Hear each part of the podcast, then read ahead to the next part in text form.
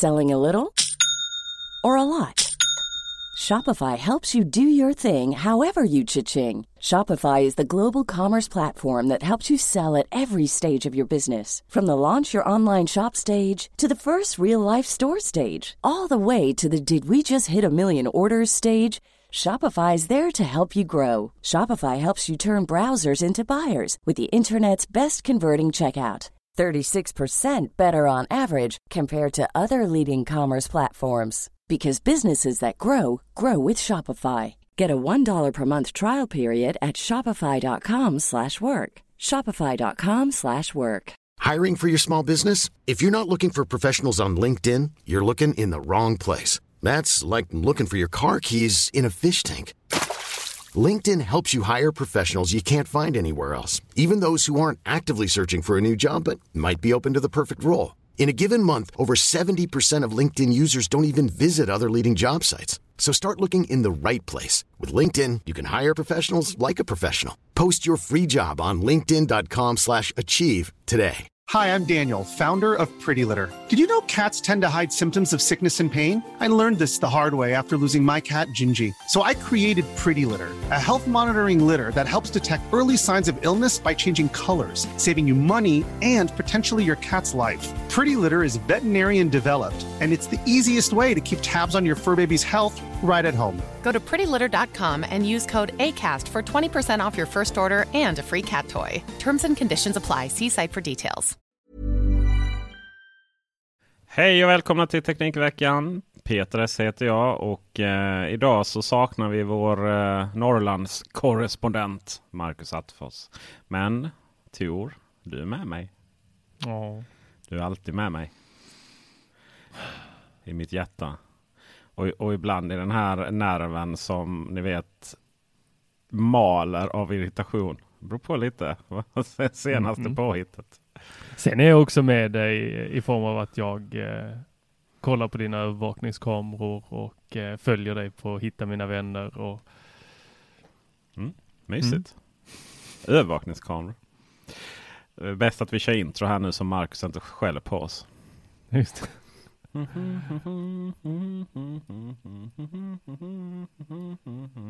alltså den där låten, är inte lite så eh, glatt tvättmedelsreklamaktigt? Jo, hon är fruktansvärd den. V- Vem var det som fick välja den? Marcus. Han må för alltid brinna i helvetet på grund av det.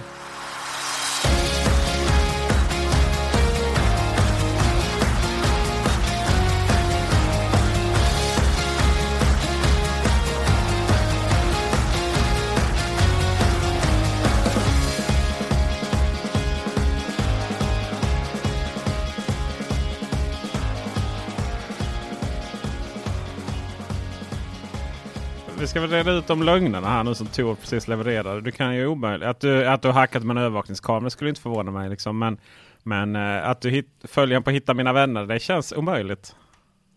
Nej, det är ju en besvikelse utav rang när du gick över till the dark side och eh, jag plötsligt inte kunde följa dig på Hitta mina vänner. Och eh, jag tror till och med att det var någon, du lämnade över någon enhet till din son va?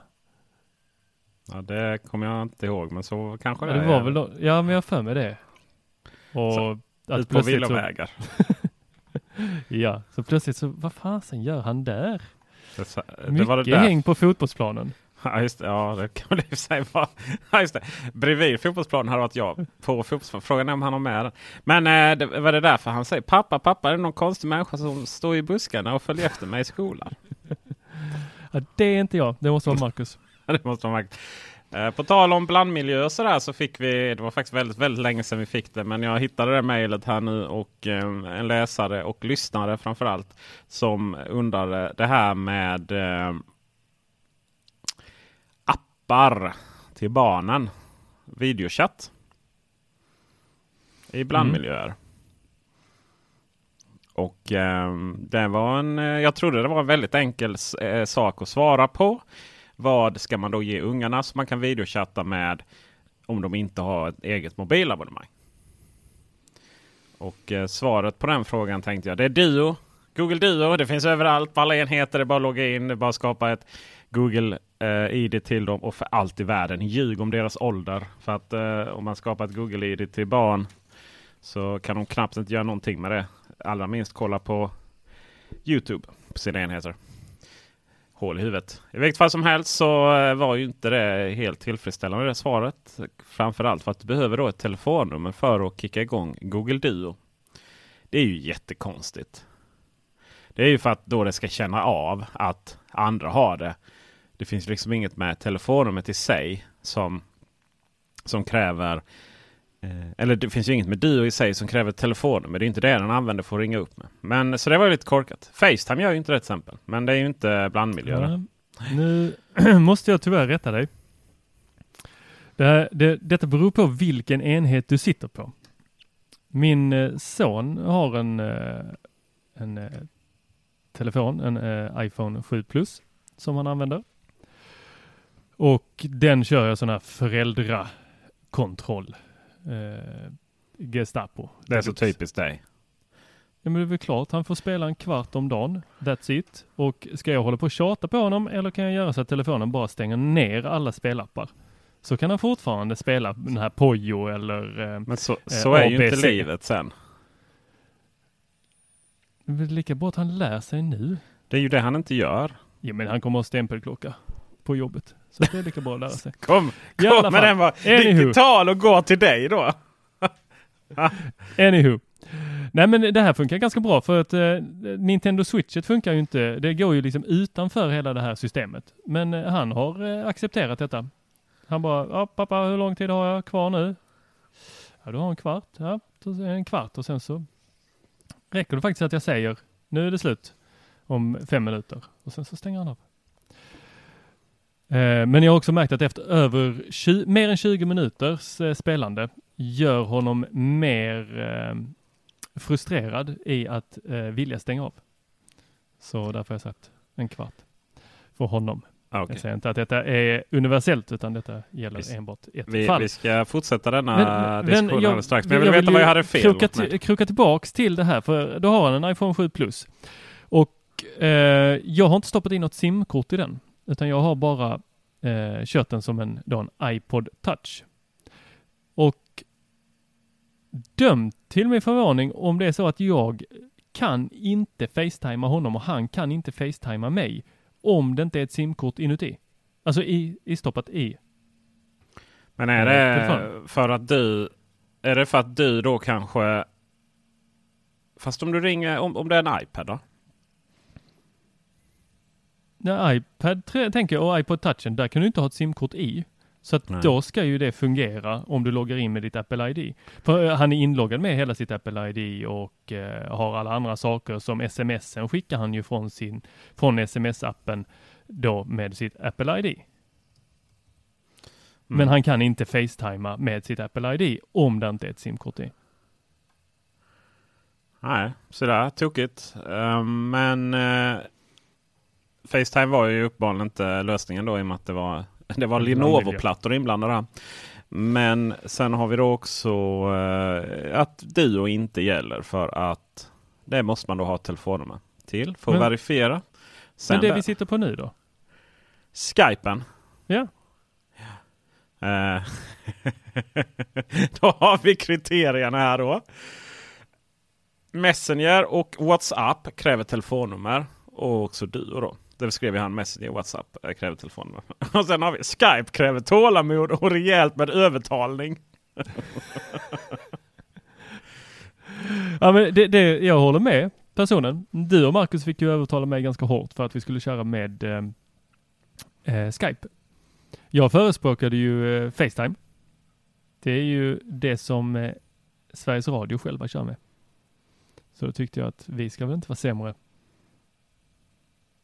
Men jo, det skulle vi. Vi skulle ha Skype tyckte ni två.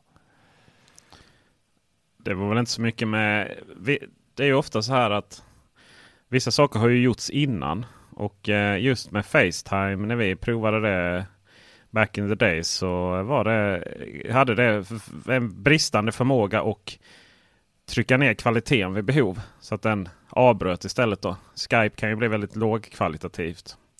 Och dessutom så hade Facetime en tendens till att dra igång fläktarna på våra mackar något så frenetiskt. Kan ju ha förändrats nu. Men det är inte svar på Mattias fråga. Nej. Nej, och eh, så eh, om inte Messenger, WhatsApp och Duo fungerar, inte Facetime och Skype är så blotat och hemskt som det bara kan bli, tycker då Mattias. Och eh, jag är väl benägen att önska sig en Skype Lite eller någonting. Det är populärt nu att eh, många skickar upp så mycket funktioner i sina appar. Så ser plötsligt så Istället för att någon konkurrent kommer och ska göra en lättare version så, så gör man själv då en lättare version. Så finns ju Facebook Lite och Messenger Lite. Då. Men vi får nog, vi får nog eh, skicka ut den till, till många. Till alla som lyssnar. lyssnar. Ja, och, um, sen är det ju det är barn inblandade här nu så att uh, det är bra om man inte behöver liksom sudoka i terminalen. Mm. Tänk på det. Men jag känner, nu att, jag känner nu att vi har en liten oplanerad dialog här nu. Um, är inte alla våra Tor, dialoger oplanerade? Ja, kanske din, men jag har faktiskt skrivit upp här. Skärmtid har jag skrivit här nu. Och ja. eh, jag skrev ju en, en, en, nyhet om eh, just skärmtid, eh, att det kommit en bok som heter Kampen om skärmtid, vad varje förälder behöver veta om unga och nätet av Henrik Paulin. Och eh, finns för övrigt en Adlibris-länk på eh, om man googlar Teknikveckan skärmtid. Så kan man trycka Adlibris, Ad, Adlibris-länken där och så kan man köpa den där och så får vi lite pengar. Eh, en, så sådär två kronor eller någonting som går till, går till eh, mjölken i kaffet. Jag, fick jag har fått, en kaffe av en av våra lyssnare specifikt skickade han en donation via Paypal. Fruktansvärt avundsjuk. Så skrev det Paypal eh, kaffe till SE då framförallt. Men, men han lovade sen att även ni skulle få. han hade hittat mer pengar. Så att det är ändå lite bibliskt där att lägga sina sista pengar på en kaffe till mig. Det uppskattar jag. Och, och jag ska alltså köpa en. Eh, jag ska inte bränna den på en latte på Espresso House. Utan eh, jag ska alltså köpa en, en Skånerost. En hel paket. Och så ska jag bjuda Tor och kanske Marcus när han kommer ner. Mm. Gullunge. Sån är jag. Men skärmtid då. Myten om skärmtid i det fallet. Vissa menar på att skärmtiden är dåligt. Vissa menar på att skärmtiden är bra. Vi kan väl konstatera vissa saker av vad jag har lyckats snappa upp ifrån från, eh, eh, världen här. För det första så har ju kriminaliteten och eh, ungdomsvåldet har ju minskat drastiskt. Och det antar man har att göra med att folk sitter framför sina datorer och har ihjäl varandra istället då eh, än, än ute och super och slåss. Eh, väldigt förenklat. Men man kan också konstatera att läsförståelsen minskar. Man kan konstatera att det finns vissa ergonomiska problematik. Tor har då ett sätt att hantera detta på. Det är spärrar för sin son. Ja, nu tycker jag att du verkligen förenklar verkligheten. Men du har föräldraspärr, bokstavligt talat. Du har satt spärrar via föräldraappen? Nu, nu vill du ha ett ja och nej svar på en fråga som använder du, skulle formuleras som du, Vad är strategierna du har för att uh, lära din son hantera Tor Lindholm. Uppkopplade enheter? Jag ställer en enkel fråga. Har du uh, spärrar på din uh, sons telefon eller inte? Nu tycker jag att du är en populist som exakt. bara försöker hitta billiga poänger mm. när svaret är så mycket mer komplicerat. Exakt, och det vi ska komma till det här men, men eh, för att kunna ställa frågan så behöver jag så att säga bara få ett svar här nu lite snabbt. för att du ska kunna fortsätta din rant. Tor, du är en oerhört är komplicerad människa. Det är så här att vi, att, vi, att vi har lyckats få ihop Teknikveckan. Är liksom, så här, ja, men vi skulle behöva ett så här kvarts möte varje vecka för att synkronisera upp oss. Alltså jag tror inte på möten. Tor, Använder du någon form av app för att kontrollera din sons skärmtid? Ja eller nej? Jag är nästan benägen på att inte svara, men jag säger ja för din skull Peter. Men jag Tack. använder det också för att kontrollera dig. Va? det, är, det är jätteologiskt sagt. Jag fattar ingenting. Uh, och sen har vi då jag, jag Peter Esse, som, som har barn som har totala friheter och som Eh, fick spela Grand Theft Auto 5 när han var tre år. Och han har ju inte blivit någon våldsmördare. Min son, han kom alltså hem från skolan och så säger han Um, Pappa, jag ska spela en timme och sen ska jag göra läxorna. Och um, sen spelar han en halvtimme och sen känner han att han måste behöver göra läxorna för att få det gjort. Och det är min fråga till dig Tor. Om du eh, lutar dig framåt istället och, och liksom rin, ränner av. Eller så här, om, om du låter alla liksom din tro på vad jag ska säga nu liksom. Är någon rant eller jag ska kritisera din, din eh, föräldrastil. Om du bara låter rinna av det och bara svara på frågorna.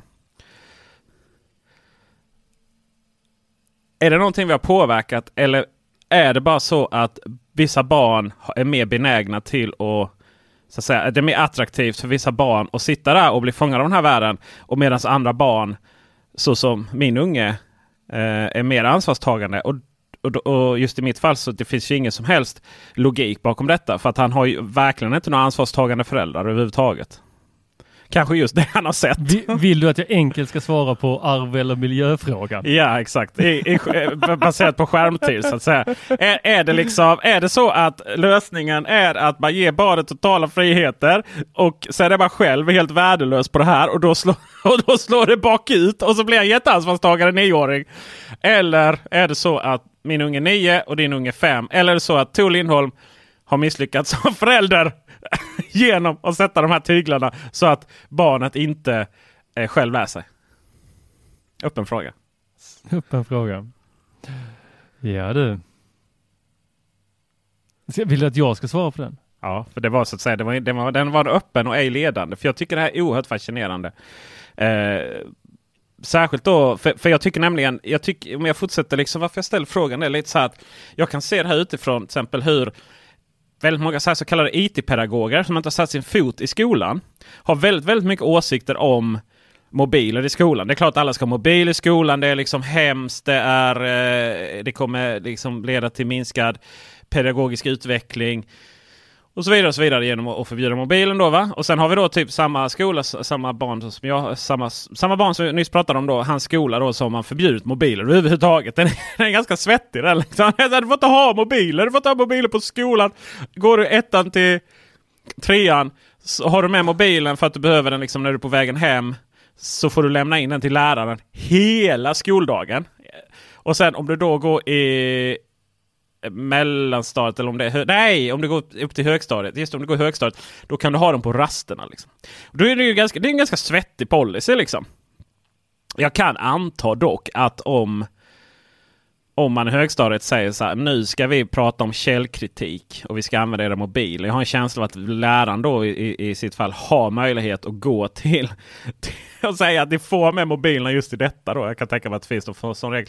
Men, men annars gick det ut sånt mejl. Och, och det som finner mig fascinerande då det är till exempel att Ja men då kan det vara lärare som har lite erfarenhet av klasser som är lite stökiga. Och de bara säger men alltså det går inte med mobilen. De sitter och messar med varandra. Det är liksom som en digital variant att skicka lappar och ingen lyssnar. Och det är bara bråk och alla instagrammar och de mobbar varandra. Då. Så då, då, är det liksom ena sidan då och sen den andra. Och, då, och då, då, är det ju lätt för, för en annan då som så har ett barn som är väldigt ansvarstagande och som det, det enda diskussionen om skärmtid är när han tittar på mig och säger att vi kanske borde införa skärmtid för dig pappa. Då, då är det ganska lätt för mig att liksom ha den här eh, Ja, nej, men jag tycker man ska få mobiler i skolan för det kan ju barn klara att hantera. Liksom. Men sen, samtidigt har man ju sett vissa av hans kompisar som de har klarat att hantera det. Liksom. Så det, där, det är därför jag tycker den här frågan är så väldigt intressant. Liksom. Hur, vad är det som gör... Varför, nu är inte du barnpsykolog ska sägas. Det är väldigt viktigt, tänker jag, att säga. Eller det kan inte spela någon roll för att eh, små, små barn är människor. Det spelar ingen roll. Om jag inte är specialist i, eh, och säger då att jag är specialist i barnpsykologi. Och Nej. det är jag inte. Nej det är du inte. Eh. Men det, du, du, du hanterar människor och små människor och så vidare. Men har vi någon tes om det här liksom? Nej, jag misstänker att du och din fru, ni är gifta va? Ja. Ja. Eh, eh, har haft en ganska öppen dialog med er son eh, gällande vad som händer och sker på internet och vad eh, eh, hur, hur, vi kan problematisera att det inte bara är svart eller vitt det som är på internet.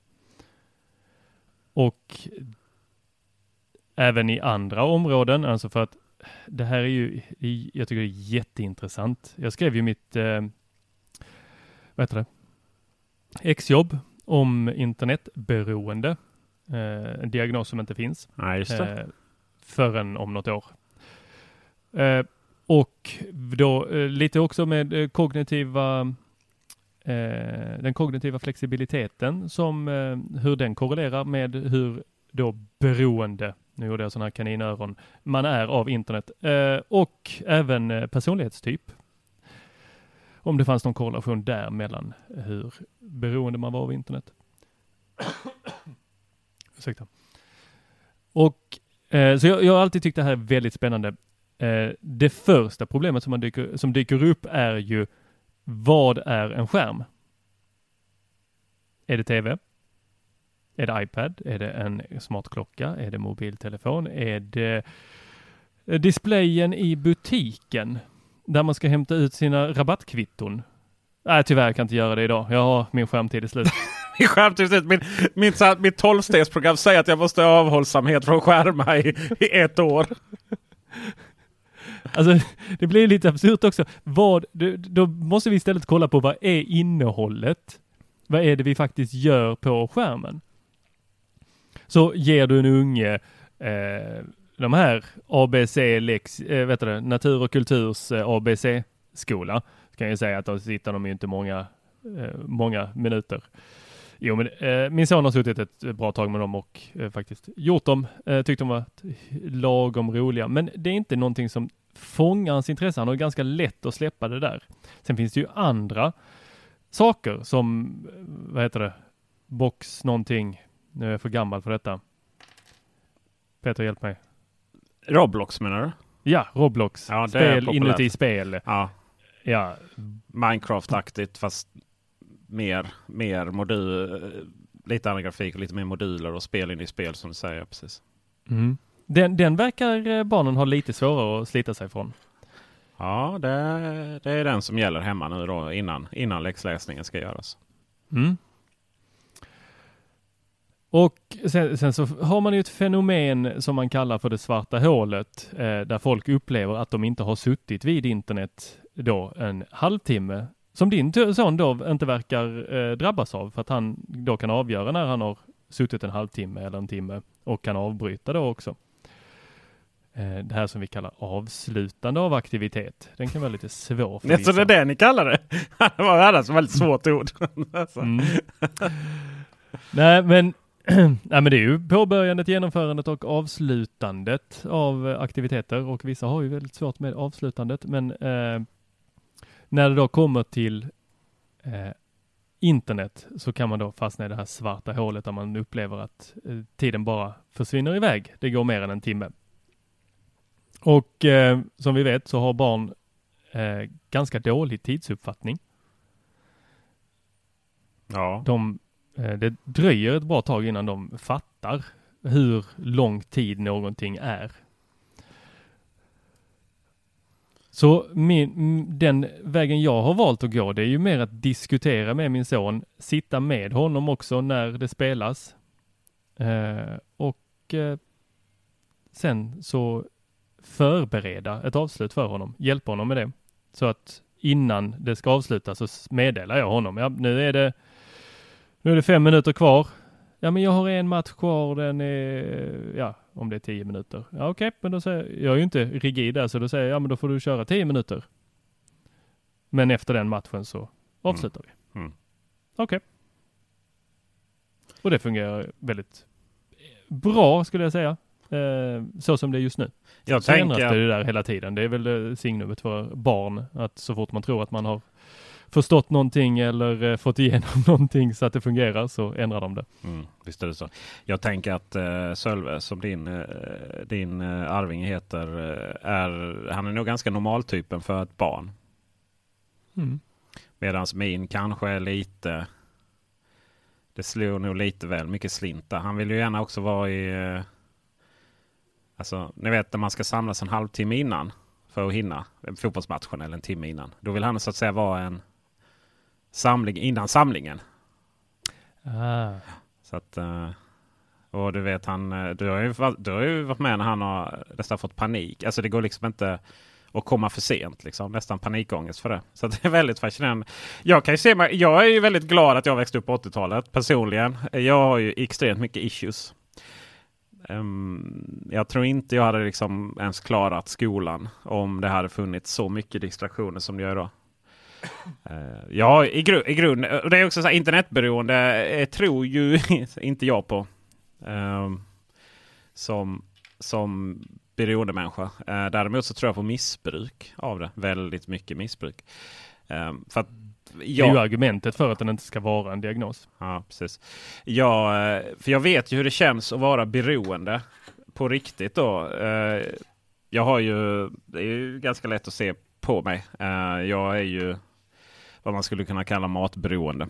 Och det är liksom inte det här att, för, mig, för matberoende handlar liksom inte om, om att man inte riktigt förstår att man inte kan äta på Burger King varje dag eller man, man kan inte äta på, eller att, att man inte förstår det grundläggande att kalorier ut, kalorier in och så vidare. Man är snarare mästare på det för man har gjort alla, di gjort alla di dieter och man kan liksom räkna points i huvudet.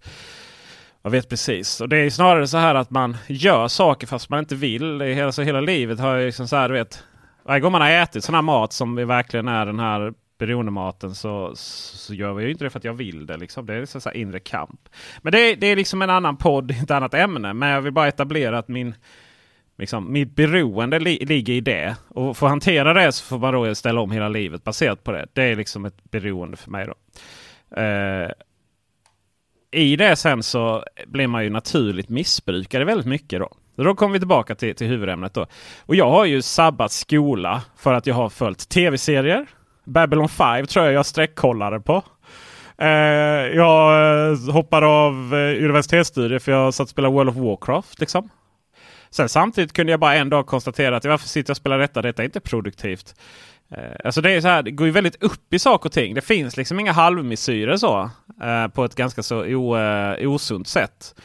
Eh, alltså du måste få alla achievements i spelen. Du måste få allt. Du måste liksom hela tiden. Och det, det betyder ju liksom ingenting ur ett samhällsperspektiv. Det betyder liksom ingenting ur ett, ur ett ekonomiskt perspektiv. Det blir, går liksom inte att bli eh, miljonär för att man är bäst på att samla achievements i, i, i Fallout 1, 2, 3, 4. Ja, 3, 4 liksom.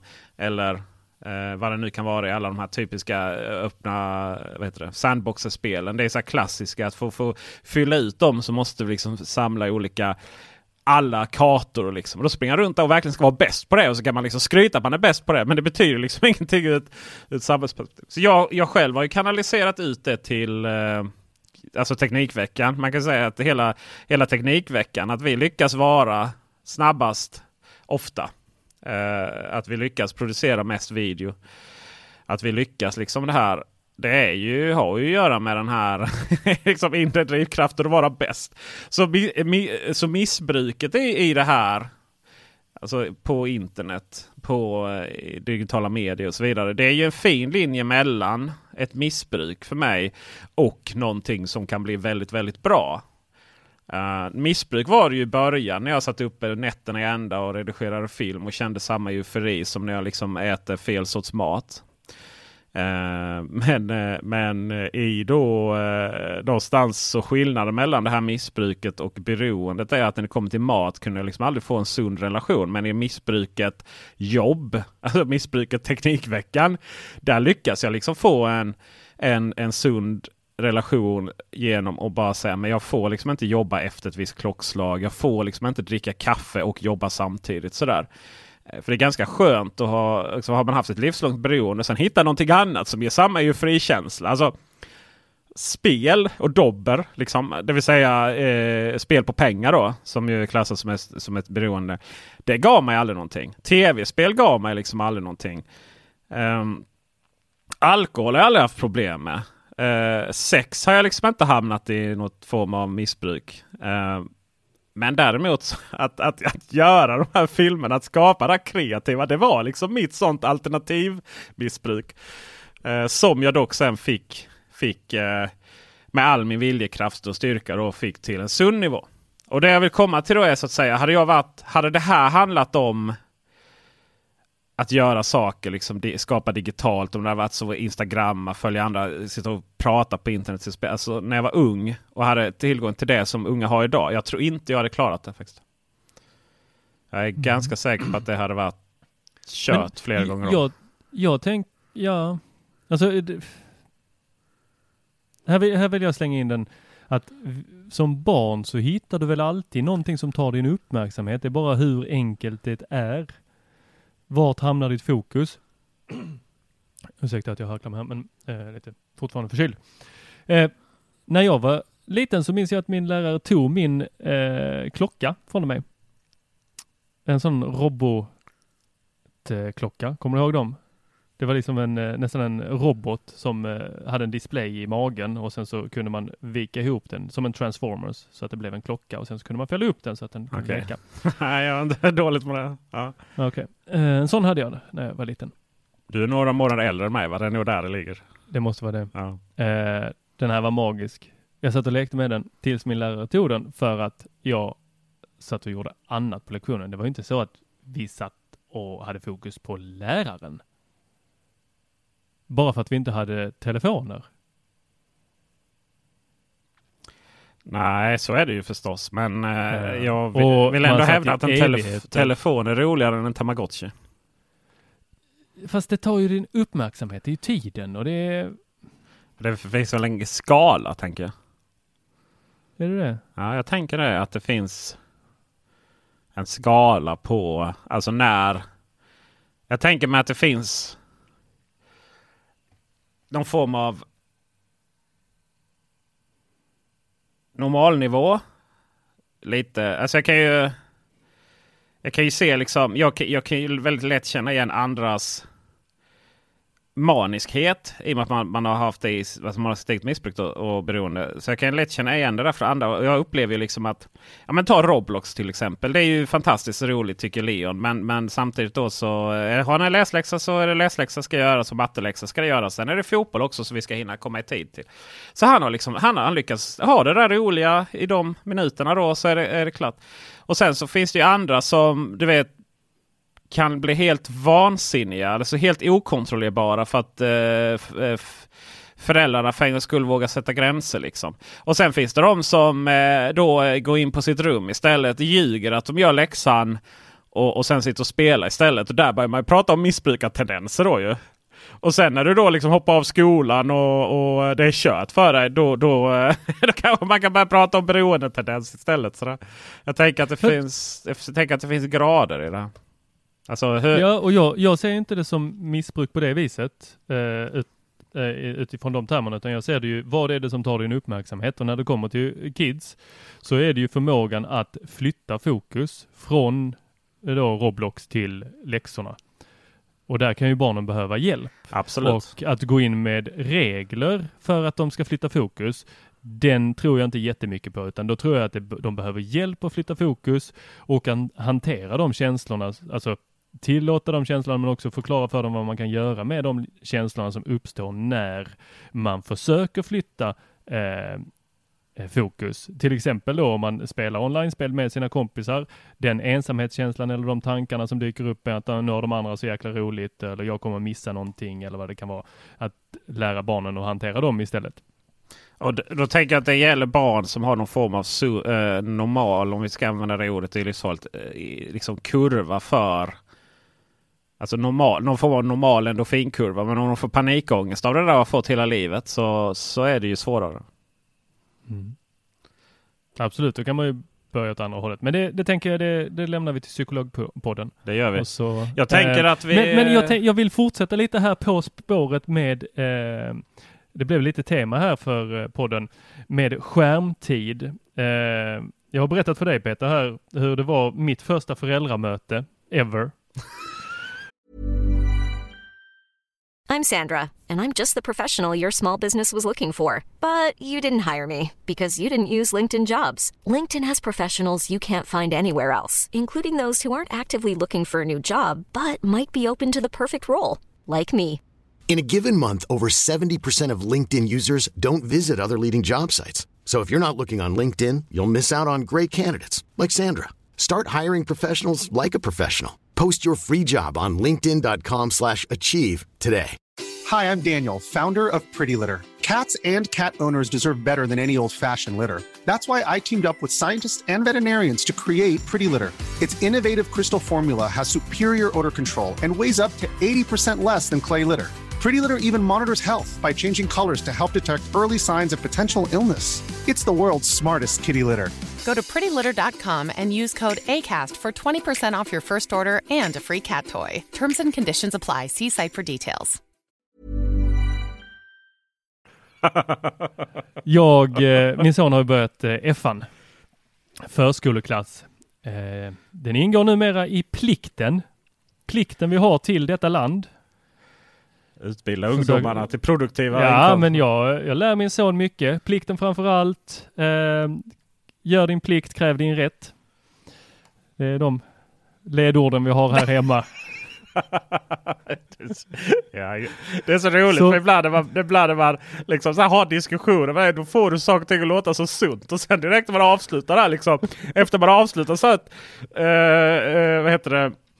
Och är hyfsat överens om sparkcykel då liksom. Då postar han någon sån där ytterligare grej från den här Instagram. Liksom så här, hatar sparkcyklar. Går han ut och slänger en sparkcyklar. i- Och sen liksom när vi haft en bra diskussion om barnen här. Och sen går han ut liksom och...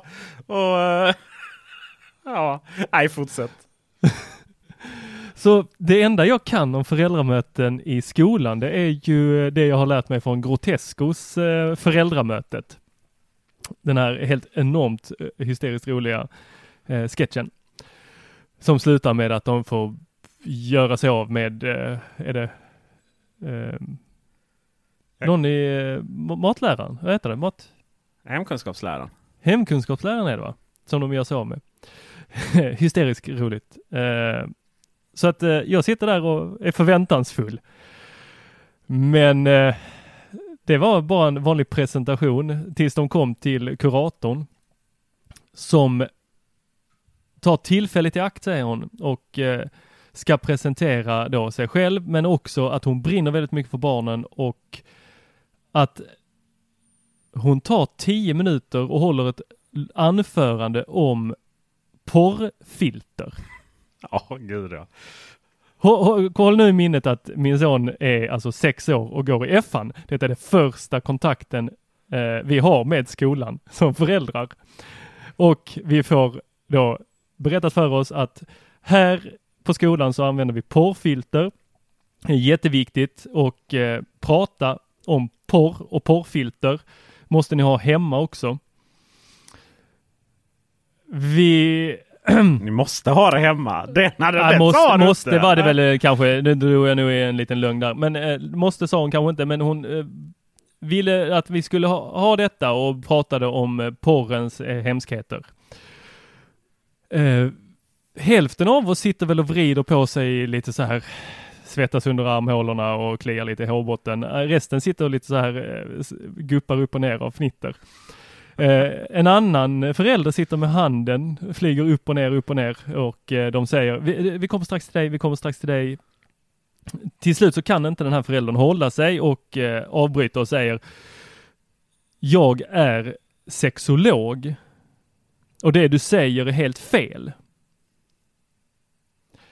Porrfilter har inte den effekten utan det skuldbelägger bara barnen. Att om de då råkar få se porr eller kommer in på en porrsajt så kommer de då få skuldkänslor utifrån att de har gjort det för att det är förbjudet för att det finns ju porrfilter. Varpå eh, svaret blir att eh, nej, så är det inte alls det. Och eh, det propageras då på porrfilter, det propageras mot porrfilter. Eh, det går från diskussion till vuxendiskussion eller vad vi nu ska kalla det.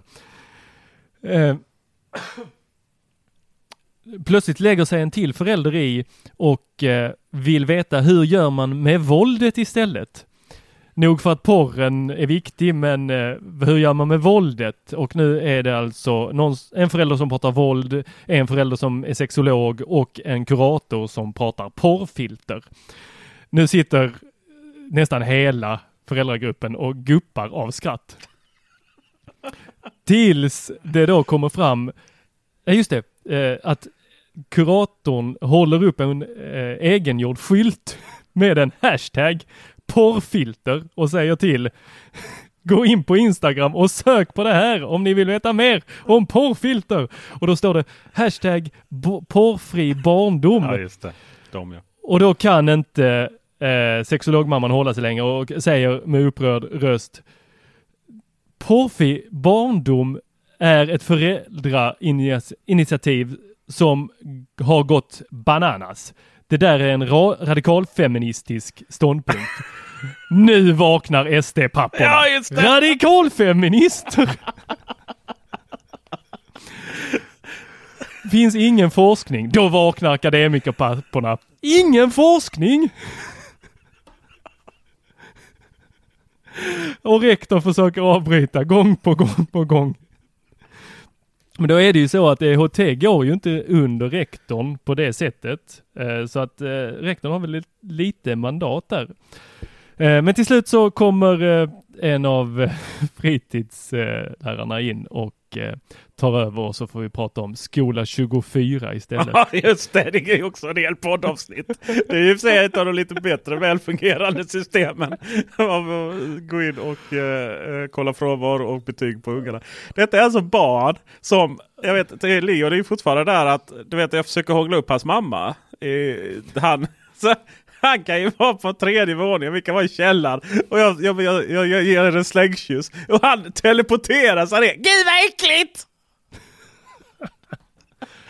Åh oh, gud ja. Ja men eh, som sagt, det är en jätteviktig diskussion. Det är kanske lite hardcore att gå ut första föräldramötet och prata porrfilter.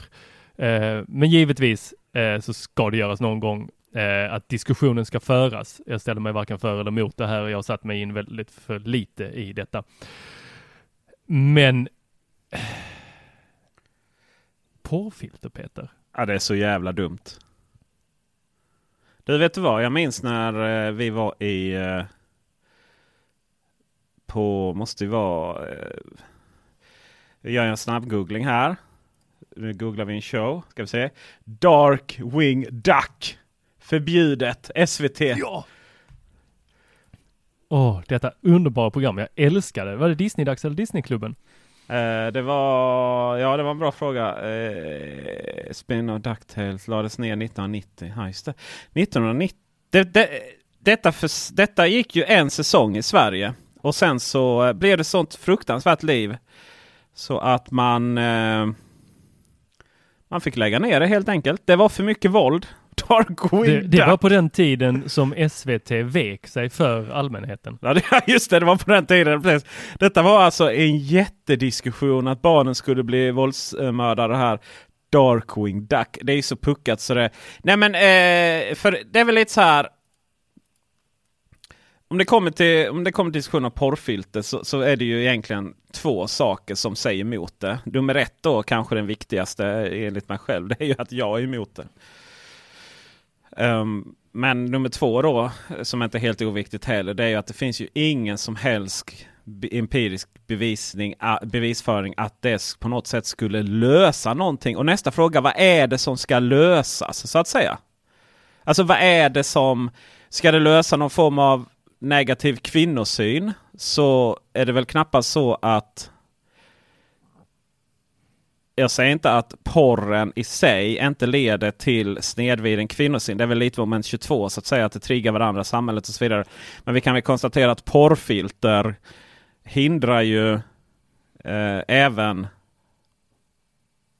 porr som utvecklas eller som, som produceras för att inte på något sätt vara förnedrande mot någon form av kön eller ras eller eh, vad det nu kan vara liksom, som man försöker förnedra. Eh, det andra är väl också sådär att vi kan väl också konstatera att när, det är väl aldrig så tydligt som att när det kommer till eh, människors sexualitet, ungdomars sexualitet, så ju mindre man pratar om det, ju mer tonårsgraviditet blir det liksom. Oavsett, i alla sammanhang. Det är så här, du vet, ju mer konservativt ett land är, ju mer, ju mer brittiskt ett land är. Liksom. ju mer, ju mer tonårsgraviditeter och aborter blir det. Det är så här, det finns liksom vi vet ju detta. Det finns ju vissa saker som är så riktigt faktum att vi vet ju att att ju mer vi pratar om, ju mer öppnar vi om, om sex, sexualitet.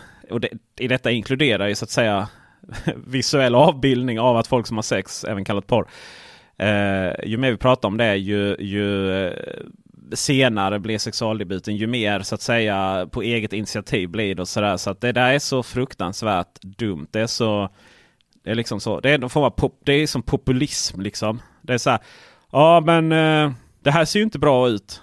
Så då eh, förbjuder vi det. Um, och oftast är ju världen precis tvärtom då. Och eh, det är ungefär som du vet, det är ungefär lika dumt, som så här porrfria hotell och så vidare. Eh, det ironiska är ju att det finns väl inga hotell idag som har liksom porr på tv. Liksom. Det, är så här, det finns väl ingen som köper in det tror jag längre. Uh, låter som, som att... Finns det någon som tittar på de där tv-apparaterna? Nej, alltså liksom finns det ens... Det är så här, det enda man... Det, enda, det första man gör när man... Uh, och det enda man gör när man kommer till ett hotell. Det är att se Finns det inbyggd... Uh, finns det inbyggd Netflix eller går det att koppla in HDMI från datorn liksom till Netflix? Det är så här, herregud. Senast jag bodde på hotell i Köpenhamn gick inte att göra detta. Nej. Så det slutade med att vi såg typ dödligt vapen. Mm. Fy fan. På, dans, eh, för, på för, med dansk text? Ja, med dansk ja. Eh, text ja. då. Och det här var ju för att det var det enda som gick. Ja. Det fanns inget annat. Nej. Det är helt fruktansvärt. Ja. Nej, men, så då, ja. Det är nästan så att man hellre ligger och kollar på sin mobiltelefon än att titta på den där stora tvn. Precis. Alltså det är så mycket som, det är så mycket som löser sig av sig själv liksom på det sättet. Och, eh, och igen, det, det är så här, ja porrfilt i skolan. Okej, okay, men är det så mycket porrsurfande i skolan? Och är, om det är det, är inte det någon form av så här grupp Alltså ungdomar ihop som, som ska visa varandra någonting. Jag tror inte det, jag tror inte det liksom Eh, är så mycket mer aktivitet än intresset där av det i så fall. Liksom. Så att det känns väl som att det är en icke-fråga. Och i hemmet så finns det ingen lobbyorganisation i världen eller någon form av regering eller stat eller parlament som överhuvudtaget ska ha någon form av åsikt om vad folk surfar på hemma. Det hade ju varit oerhört osunt så att säga. Eh, jag menar för vissa är ju, eh, för, för vissa är ju eh, jag tror att för, för många av oss så är vi överens om att det finns erotiska avbilder som inte är sunt, som är direkt olagligt och så ska vara så att säga, som ska jagas till eh, universums ände, de som producerar den typen av, av material. Eh, men för andra, andra har ju samma känsla av i princip en LOs katalog med underkläder. Liksom. Som ju var det som, som var det närmsta eh, det kom naken hud i eh, när man var ung i, på 80-talet. Så. så att det är liksom Ja. Nej, Tor. Nej. Nej till porrfilter. Eh, precis. Ja, det vill säga nej till porrfilter. Mm.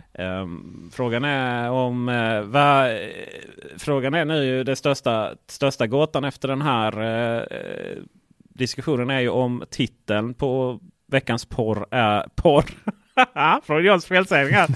uh, är uh, skärmtid. Veckans porravsnitt. Precis, veckan, veckans porravsnitt.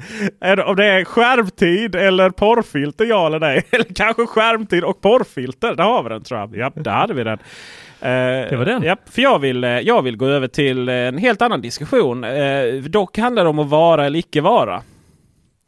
Och eh, Tor, Filosofiskt. Mm, Tor, min kära kollega och vän och, eh, och eh, deltidspsykolog. Um, mm.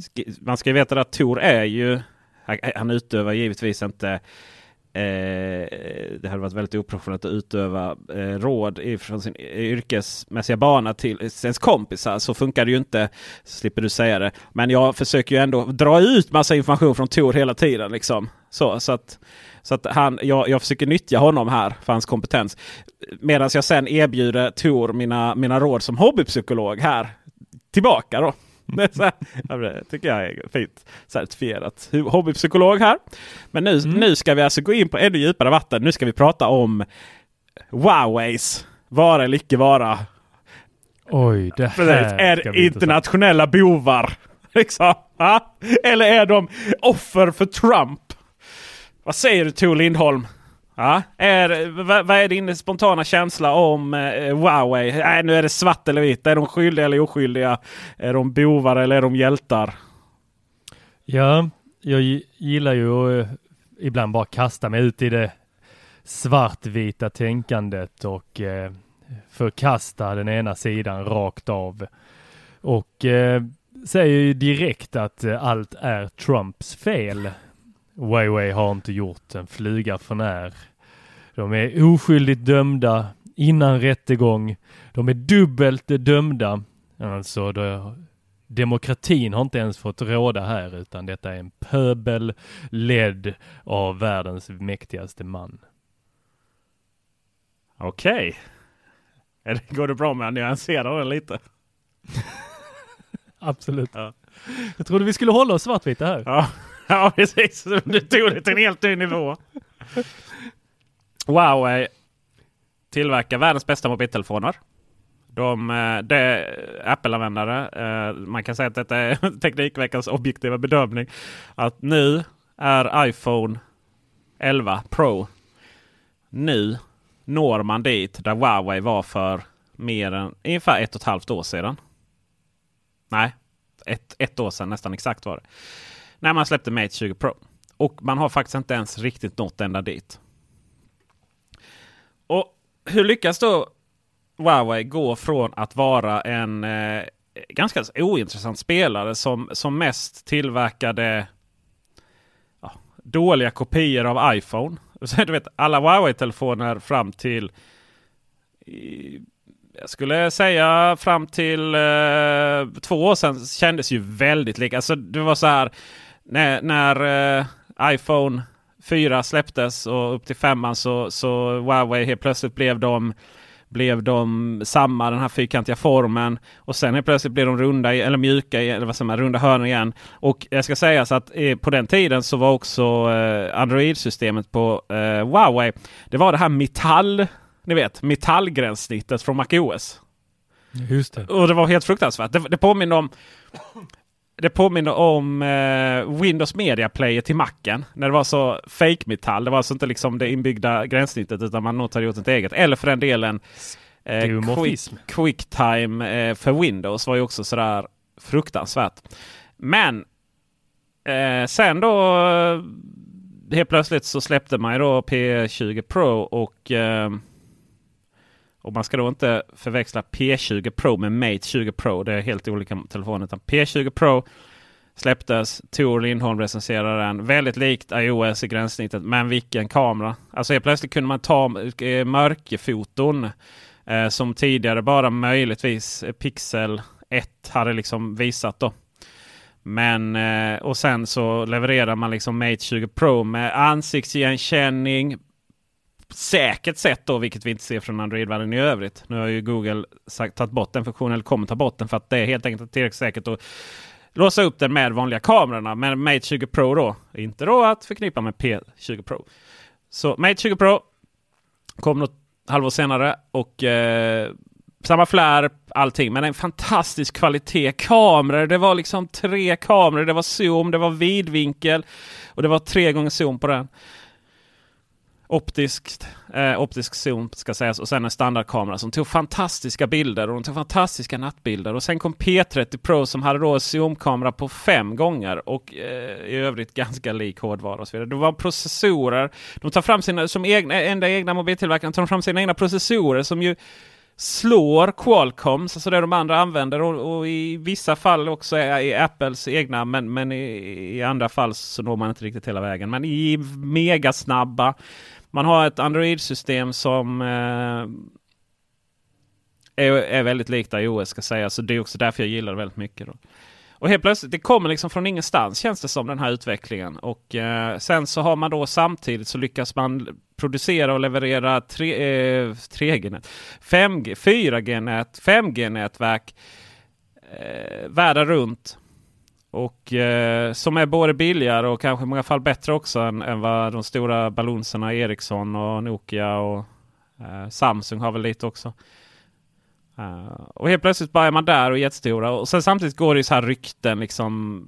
Det har alltid pratats om att Huawei har etablerat sig lustigt nära de sina konkurrenter och att många då har gått från, alltså från i Kista då till exempel, gick från Ericsson rakt till Huawei och började där och det ska ju sägas att eh, de första Huawei-telefonerna Um, togs ju fram av uh, gamla Sony Mobile, Sony Ericsson-anställda. Då. Men samtidigt är det ju det här människor som har dels blivit uppsagda i, eh, i besparingspaket. Det har ju liksom varit folk som har blivit headhuntade. Det händer ju hela tiden att man headhuntar fram och tillbaka. Det kan ju inte omöjligt, det kan omöjligt liksom ses som ett, som ett problem. Men det, det, har gått väldigt, väldigt, väldigt snabbt. Och bland annat nu så skrev eh, Wall Street Journal, tror jag det var, eller New York Times då om, om rena, rena rent företagsspionage helt enkelt. Uh, från? Från Huaweis håll. Så, och, och intervjua svensk då som varit ansvarig för att rekrytera folk som eh, eh, från de här konkurrenterna. Och, och, då är det lite så här när du, när du går från en konkurrent till eller när du går från ett bolag till en annan, igen, det är inte olagligt på något sätt. Det, det, du, du får ju liksom inte ta med dig filer och du får ju inte någonstans använda det, de immateriella rättigheter som man varit med och producerat på det andra. Men samtidigt så är det ju liksom, eh, finns det ju väldigt fin linje mellan vad du har i hjärnan och den erfarenheten du har och så vidare. och så vidare. Så Det är ju hela tiden gränsfall. Men allt att döma så har ju Huawei kanske gått över det då, säger. Och här gäller det ju att vara väldigt försiktig med vad vi, vad vi vad vi säger. Liksom, av allt att döma. Det betyder inte liksom att de faktiskt har gjort det. Men det finns det saker som tyder på det enligt de här artiklarna. Att man har liksom gått över den gränsen. Man har alltså tagit teknik. Då. De har inte blivit dömda för det. Det har aldrig, det har aldrig påvisats att det används några 5G-nätverk eller några mobila nätverk att spionera på liksom, att de faktiskt avlyssnar de här infrastrukturen. Och Wow, jag har heller aldrig blivit anklagad att skicka någon information från våra mobiler till Kina. Det är ju nästa fråga. Varför skulle man vilja göra det? Så att säga, kinesiska staten är mest intresserad av att övervaka sina egna medborgare och kanske medborgare på, eh, på eh, eh, alltså kinesiska medborgare utomlands. Och, och, det lyckas man ju göra bravur även på iPhone så att säga. Det var ju stor skandal här nu när man, man lyckas installera eh, övervakningsprogram, eh, övervakningsmjukvara. Först var ju Google som gick ut med det och sa att det var på iPhone. Sen visade det sig att det gick att installera på alla enheter och bara genom att gå in på en webbsida. Och då var det en minoritetsbefolkning i ett konfliktområde i Kina man, man försökte övervaka. Och eh, i vissa områden då så måste man installera appar för att kunna komma in då. Eh, alltså kineser som reser inom gränserna till vissa områden och sådär. Så, det är ju ett tecken på att, så att, säga, att det inte kommer med från början. Och, jag menar, det, det är ju så här, det går ju inte att det går inte att dölja så jättelätt att man att man, att man gör det här eh, om man hade gjort det. Att det vill säga skicka vidare information. Jag vet det var Nokia som hade enligt eh, den officiella då, svaret som hade sen var att man hade missat ta, ta bort någon aktivitetsrutin. Då. Men direkt när det var Nokia-telefoner som ringde till Kina då, eller man ska kalla det skickade information. Det upptäcktes ju direkt liksom. Och, eh, och, och även ja, det var en operatör eh, som eh, Nej, det var en mobiltillverkare från Kina som det, det skickades viss analytisk data enbart när telefonen var uppkopplad mot mobilnätet, inte wifi. Då är det svårare att följa det. Men även det upptäckte man. liksom. Och så vidare. Så man upptäcker ju allting. Och sen är det ju så här, en, en, Android, en, en Huawei-telefon, Android-telefon består ju av väldigt mycket hårdvara ifrån USA. Och sätter man ihop det och sen så en Android-version från Google. Uh, dels open source-koden, dels sitt eget gränssnitt då som Huawei tar fram. Men i mångt och mycket så är ju det här någonting som går via Google. Det är deras mjukvara så att säga. Det är de, och de rekommenderar ju Huawei, eller gjorde fram tills det här eh, ja, fnurr på linje med USA som några av de säkraste telefonerna då för att de är så snabba på att uppdatera och så vidare. Väldigt, väldigt duktiga. Så att kritiken är ju, är ju tudelad här eh, mot, mot Huawei och, och, och eh, det har så att säga ur ett konsumentperspektiv så har det liksom aldrig, inte, det har aldrig bevisats att vi avlyssnar då via de här näten och eller via mobiltelefonerna. Och då är det så här, men vad är problemet då? Ja, det ena problemet är ju att, då, att de uppenbarligen är ett hot mot amerikansk industri. då. Trots att det är väldigt mycket amerikanska komponenter i de här telefonerna.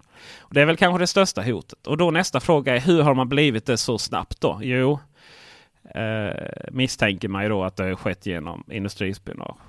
Sen så är det ju det här att kinesiska företag enligt kinesiska lagar, alltså staten måste ha rätt att använda dem för sitt eget intresse. de, så här, löst översatt hur det egentligen är. Det är nog ganska detaljerat. Och det är det man menar är det största hotet. Det vill säga att okej, okay, men det finns liksom ingenting i, idag. Men sen säger Kina liksom aktivera aktivera liksom global övervakning. Tryck på knappen och helt plötsligt skickas ut en mjukvara och så övervakar man världsmedborgarna. Liksom lite raljerat. Men då, då, skulle det vara det som var problemet och sådär. Nu är det nog inte så. Alltså jag är ganska säker på att amerikansk underrättelsetjänst är ganska bra på att använda amerikanska bolag som plattform för deras, deras operationer också. Sen är väl nästa då liksom vilken, vilken sfär vill man vara en del av? Vill man vara liksom en del av det amerikanska paraplyet eller vill man vara en del av det kinesiska? Och då väljer jag väl amerikanska. Liksom. Um, men den frågan som jag tycker är intressant, mest intressant. Um, och det är väl här den här långa utläggningen mynnar ut då en fråga till, till dig Tor här. För du är den enda jag pratar med. Mm. De tillverkar de här fantastiska telefonerna. Kostnadseffektiva, framgångsrika. De tillverkar de här operatör, nät, näten som gärna används av inklusive svenska operatörer för de är väldigt kostnadseffektiva. Mm. Är det då ett problem hur de här har producerats? Är det ett problem att man har tagit över personal från andra bolag som, som har haft ett problem att hävda sig på marknaden? För man inte fått ihop det. Är det problem att man kanske har tagit lite väl mycket idéer och inspiration från de här de gamla arbetsgivarna? För oss som konsumenter är ju det här fantastiska produkter. Så du vill att jag ska vara ditt samvete här? Nej, jag behöver inte vara mer avancerat än så. Att det här är en intressant diskussion. Var, är liksom, var i ligger problemet? Kan det vara så att det liksom inte är så lätt att allting är svart och vitt? Liksom? Utan att problemet ligger i att det finns vissa oetiska moraliska dilemman i den här framgången. Men det kanske inte handlar om att det största problemet är liksom någon form av kommande global spionering på, på världsmedborgarna. Utan att det ligger där någonstans i den snabba expansionen och att det här är en fråga mer om konkurrensproblematik än någonting annat. Mm. Det är ju alltid vackert när vi ska agera som konsumenter och ansvaret faller på oss. Men eh, den rättfärdiga, alltså det rättfärdigandet att eh, behöva ta det goda med det onda och hela den harangen. Jag tycker det faller platt eh, när det är ett så stort eh, alltså, vad ska vi säga, det är så pass stora företag att eh, det här är inte för eh, konsumenten att behöva agera på. Utan det här faller på eh, staterna. Eh, Trump har väl agerat eh, till viss del, men mer för egen vinnings skull än att det faktiskt är de här sakerna han skulle bry sig om. Eller att han tänker på konsumenterna. Eh, Eh, så för att svara på din, din fråga här så skulle jag säga fortsätt använda Huawei. Ja, och så skulle vi vilja göra också. Men vi kan konstatera att när detta spelades in så är det den tisdagen den 17. Mm. När ni lyssnar på detta så har det varit torsdagen den 19 och då lanseras då uh, Mate 30 Pro. Och uh, vi har inte fått en inbjudan till den lanseringen. Och eh, tidigare så eh, har vi fått två inbjudningar till per telefon från Huawei. Det vill säga både både få vara förbrief då för att kunna, kunna eh, förbereda material och sen de här stora lanseringarna då. Nu senast Paris i P30 Pro-fallet. Så Mate 30 Pro verkar ju kunna komma bli den mest fantastiska telefonen som världen har sett. Men den kommer då inte med Google Play Store och andra saker som gör den här intressant i Sverige. Men vem vet? Vem vet? Trump kanske får ett bra avtal på ett hotell där i, någonstans i Kina och sen så är det löst. Och eh, det önskar jag var mer raljerande än vad det faktiskt var. Men vi kunde ju konstatera att, att när det var aktuellt med andra kinesiska bolag i USA att få, inte få verka på den, den marknaden. Det ska också sägas att Huawei verkar inte på den amerikanska marknaden utan det är ju, de verkar ju i Asien. De verkar ju av allt att döma i delar av vår planet som inte är så demokratiskt sinnade. Nu sitter ju deras vice vd och tillika dotter till grundaren eh, åtalad för att ha gjort affärer med Nordkorea bland annat. Men det är alltså här i Europa då som blir drabbade av att den här telefonen, konsumenterna i Europa oavsett bakgrund blir drabbade av att den här telefonen som nog hade kunnat bli livsfarlig för, mot konkurrenterna.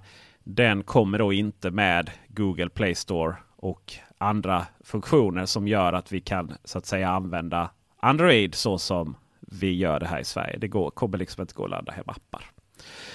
Så bara för att vända hela... ja, just det. Jag skulle säga det. Att, eh, förlåt. Och, och det man gjorde då med eh, det som hände då med de andra konkurrenterna var ju att eh, Trumps dotter helt enkelt fick. det här är ju det låter ju nästan sjukt när jag säger det. Och jag tänkte så här, det kanske fanns mer bakom det som man hade kollat upp innan. Men, men den, den, informationen jag sitter och samlar på nu, det var alltså att Trumps dotters bolag finns, fanns, finns, fick fördelar i Kina. Och sen är plötsligt var det inga problem för eh, om det var HTC att göra affärer i USA. Ja, yeah, slut på den raljeringen Tor, eller vad vi kallar det. Mm. Och, och, för att byta fokus från eh, Trump till och eh, Huawei som företag till vad det faktiskt kommer komma ut i eh, den kommer ju gå att få tag på den här telefonen. Det är inte så att eh, den inte kommer finnas tillgänglig utan i dagens samhälle så kan vi beställa den någon annanstans ifrån. Så om vi får tag på en sån här telefon, eh, skulle det då vara möjligt att installera om ett operativsystem på den som gör att vi kan få Google Play Store? Du kan ju installera Android och du bör väl kunna ladda hem APK också. Jag är lite djupt vatten här nu så att ni får jättegärna om jag har fel gå in i, i bubblan.teknikveckan.com och kommentera. Men, men jag antar att man kan ladda hem APK men då kommer du inte få några automatiska uppdateringar. Det finns liksom inga säkerhetsfunktioner i det.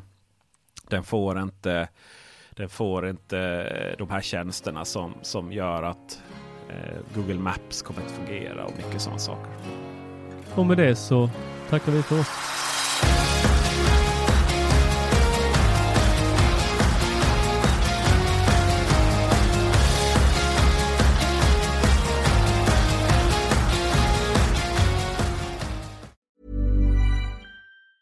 Hey, it's Danny Pellegrino from Everything Iconic. Ready to upgrade your style game without blowing your budget? Check out Quince. They've got all the good stuff shirts and polos, activewear, and fine leather goods, all at 50 to 80% less than other high end brands. And the best part? They're all about safe, ethical, and responsible manufacturing. Get that luxury vibe without the luxury price tag.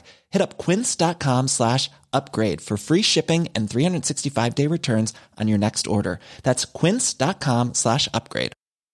Hi, I'm Daniel, founder of Pretty Litter. Did you know cats tend to hide symptoms of sickness and pain? I learned this the hard way after losing my cat, Gingy. So I created Pretty Litter, a health monitoring litter that helps detect early signs of illness by changing colors, saving you money and potentially your cat's life. Pretty Litter is veterinarian developed, and it's the easiest way to keep tabs on your fur baby's health right at home. Go to prettylitter.com and use code ACAST for 20% off your first order and a free cat toy. Terms and conditions apply. See site for details.